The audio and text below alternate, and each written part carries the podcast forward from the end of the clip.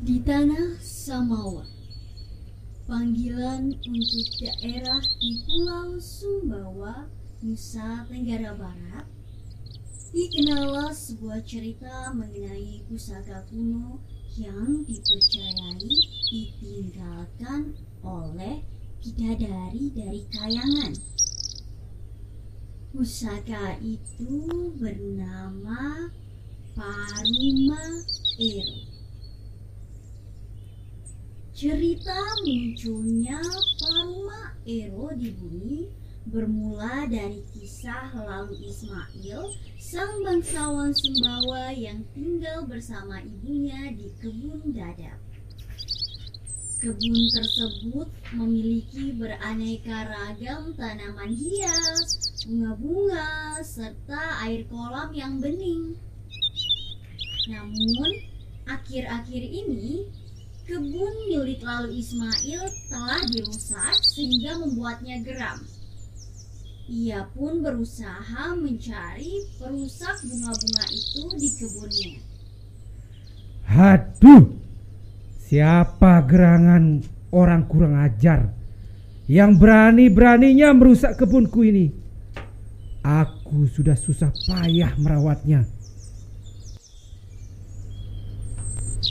Setelah berusaha mencari tahu siapa pelaku perusak kebunnya tersebut, Ismail pun terkejut karena tak disangka-sangka ia malah menemukan para bidadari bermandian di kolam di kebun dadap miliknya. Terdapat tujuh bidadari cantik dengan selendang yang berwarna-warni. Kemudian terbesarlah rencana di pikiran lalu Ismail untuk memiliki salah satu bidadari tersebut. Dengan alasan mencari pelaku yang merusak kebunnya, lalu Ismail akhirnya berhasil menikahi salah satu bidadari. Hal tersebut terjadi berkat jebakan yang dibuat oleh lalu Ismail, yakni dengan cara mengambil baju salah satu bidadari agar sang bidadari tidak bisa kembali ke kayangan. Singkat cerita, lalu Ismail pun menikah dengan salah seorang bidadari tersebut dan mereka hidup dengan bahagia. Mereka dikaruniai anak laki-laki yang diberi nama lalu Mancawi. Ketika masa-masa bahagia itu, saat semua sibuk mengerjakan tugasnya masing-masing, ibu lalu Ismail meminta tolong agar menantunya menjaga padi yang sedang dijemur di teras rumah. Namun, entah karena sang bidadari sengaja tidak melaksanakan tugasnya atau memang dia lalai menjaga padi. Hampir setengah padi itu dimakan oleh ayam karena tak ada seorang pun yang menjaga tempat padi itu dijemur.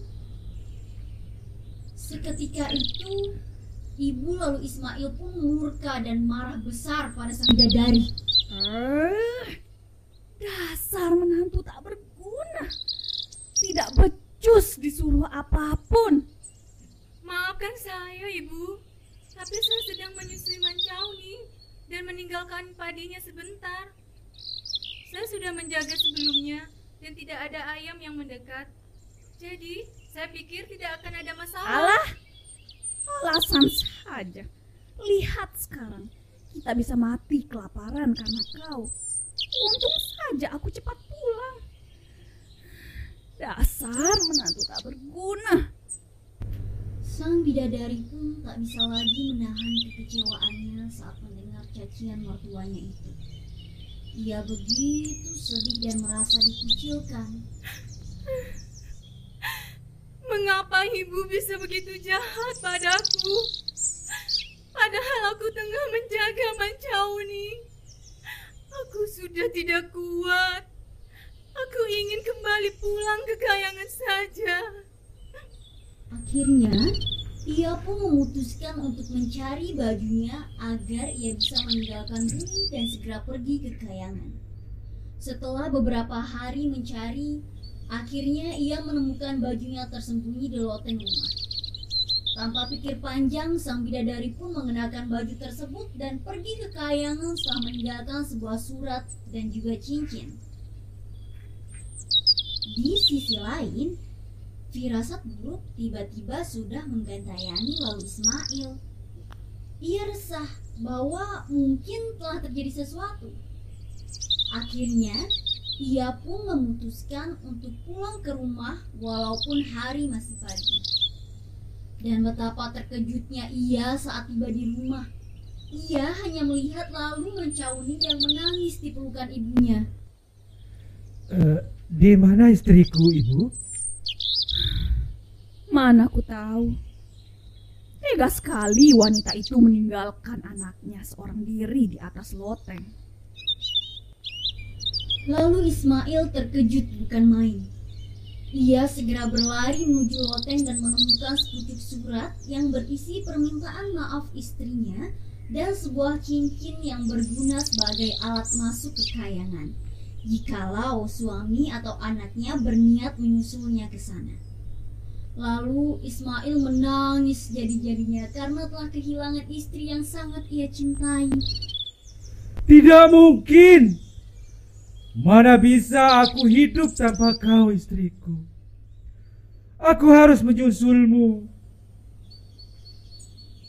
Ibu, aku akan pergi menyusul istriku ke kayangan. Aku tidak bisa hidup seperti ini tanpa dia. Karena aku sangat menyayanginya. Apakah kau yakin? Firasat ibu, jika kau ke tempat istrimu, kau tidak akan kembali. Ibu tidak mau kamu pergi meninggalkan ibu dan anakmu. Ibu, inilah penebusanku. Aku mencintai istriku, Ibu. Izinkan aku. Aku akan baik-baik saja, Ibu. Tapi nak, Kumohon, Ibu. Jangan tahan aku di sini. Percuma saja aku di sini. Aku akan sengsara juga tanpa istriku. baiklah nak. Ibu hanya memberi saran saja kepadamu. Jika kau bersikeras untuk pergi, itu semua adalah keputusanmu. Ibu pasti akan mendoakan dari sini. Terima kasih, Ibu. Aku aku titip anakku, Ibu. Jaga Mancauni untukku. Tentu, tanpa kau minta, ibu akan menjaga cucu ibu. Sementara itu di Kayangan, besar-besaran sedang diadakan di Istana Balap itu menyambut kepulangan sang putri bungsu, bidadari yang menjadi istri lalu Ismail. Para dayang mempersiapkan banyak hal, mulai dari makanan, jamu-jamuan, hiasan, musik, dan berbagai keperluan pesta lainnya. Dan beruntunglah lalu Ismail ketika sampai di Kayangan pada saat yang sama. Sebab ia dapat memanfaatkan kesempatan tersebut untuk bertemu istrinya, sang putri bungsu. Ia pun berpura-pura menolong dayang-dayang yang sedang sibuk mempersiapkan air untuk dibawa ke kerajaan. Ketika membawa salah satu guci milik dayang tua, lalu Ismail menyembunyikan cincin pemberian istrinya. Guci tua itu pun akhirnya sampai kepada si bungsu. Ia sangat terkejut saat mendapati cincin tersebut ada di dalam guci.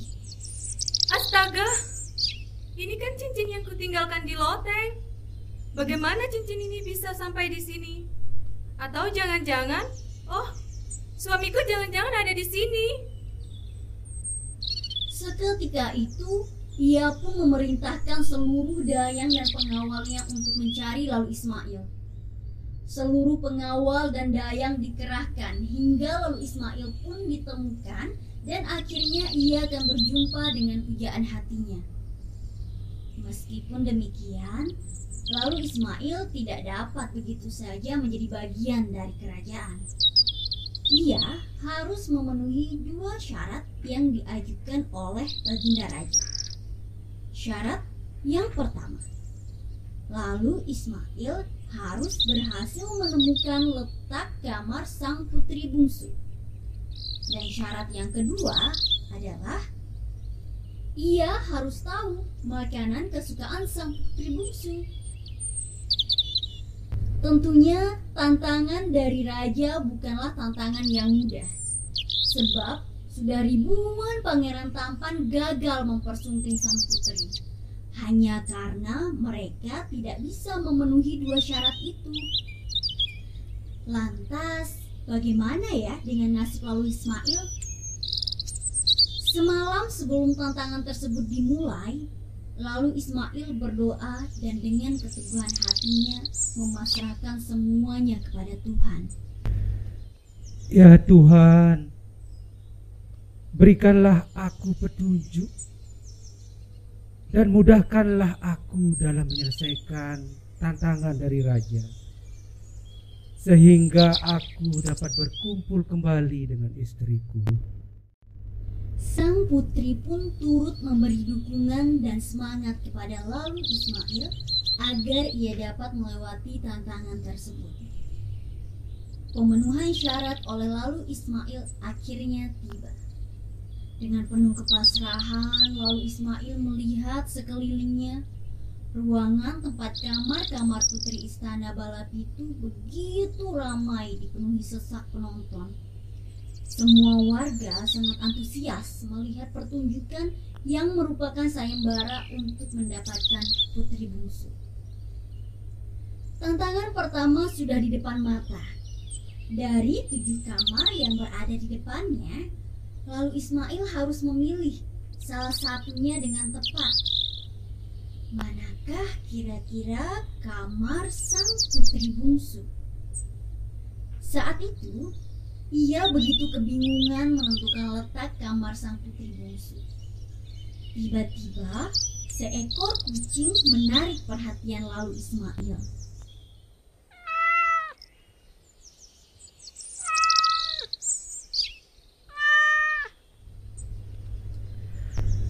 Astaga, kucing ini manis sekali.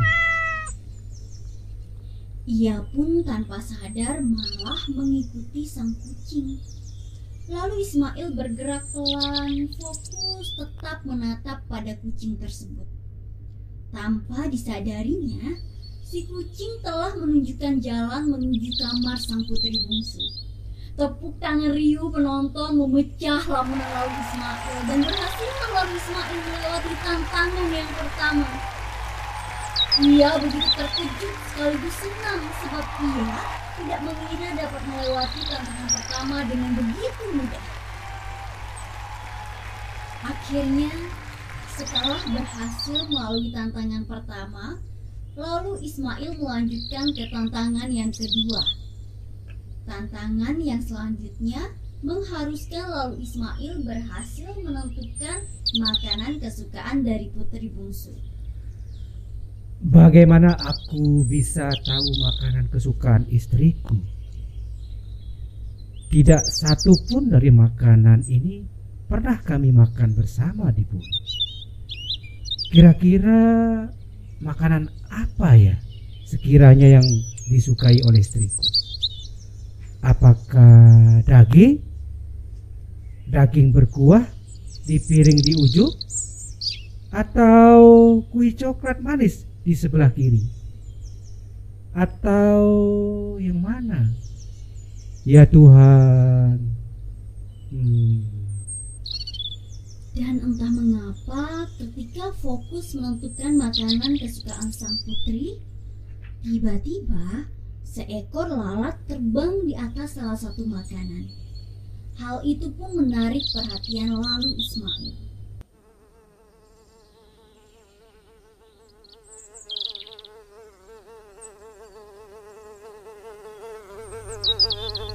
Tentu saja hal tersebut mengganggu konsentrasinya yang tengah menimbang sekiranya makanan mana yang disukai oleh pujaan hatinya. Namun, tiba-tiba terdengar lagi suara samar di telinganya bahwa lalat itu adalah petunjuk untuk menemukan makanan kesukaan putri bungsu. Hai, Ismail. Aku adalah utusan sang putri. Aku akan hinggap di makanan kesukaan putri. Dan kau harus memilih makanan tersebut. Dan benar saja, makanan itu adalah makanan yang tepat. Dengan demikian, hal ini menjadi keberhasilan lalu Ismail melewati tantangan yang kedua. Semua tantangan telah berhasil dilewati oleh lalu Ismail. Tepuk tangan riuh tanda sukacita warga istana memenuhi isi istana. Mereka saling berpelukan dan merayakan bersatunya cinta sejati antara dua sejoli itu. Akhirnya, lalu Ismail dan sang bidadari pun bersatu untuk kedua kalinya. Suamiku, akhirnya kita dapat bertemu kembali. Aku sangat senang. Betul, Adinda. Aku juga sangat bahagia dan dengan dapat berjumpa denganmu. Akan tetapi, bagaimana dengan Mencauni? Siapa yang akan menjaganya di bumi? Aku sangat khawatir, suamiku. Aku sangat merindukan anak kita, Mancauni. Namun, rasa kegundahan masih meliputi sang putri karena ia begitu merindukan kehadiran anaknya, lalu Mancauni. Kemudian, lalu Ismail pun memberikan ide bahwa kegundahan hati istrinya dapat teratasi dengan cara mengirimkan sang anak mainan. Dan di antara mainan itu ada sebuah pusaka spesial bernama Paruma Ero yang nantinya akan selalu ada untuk anak mereka. Lalu Mancawi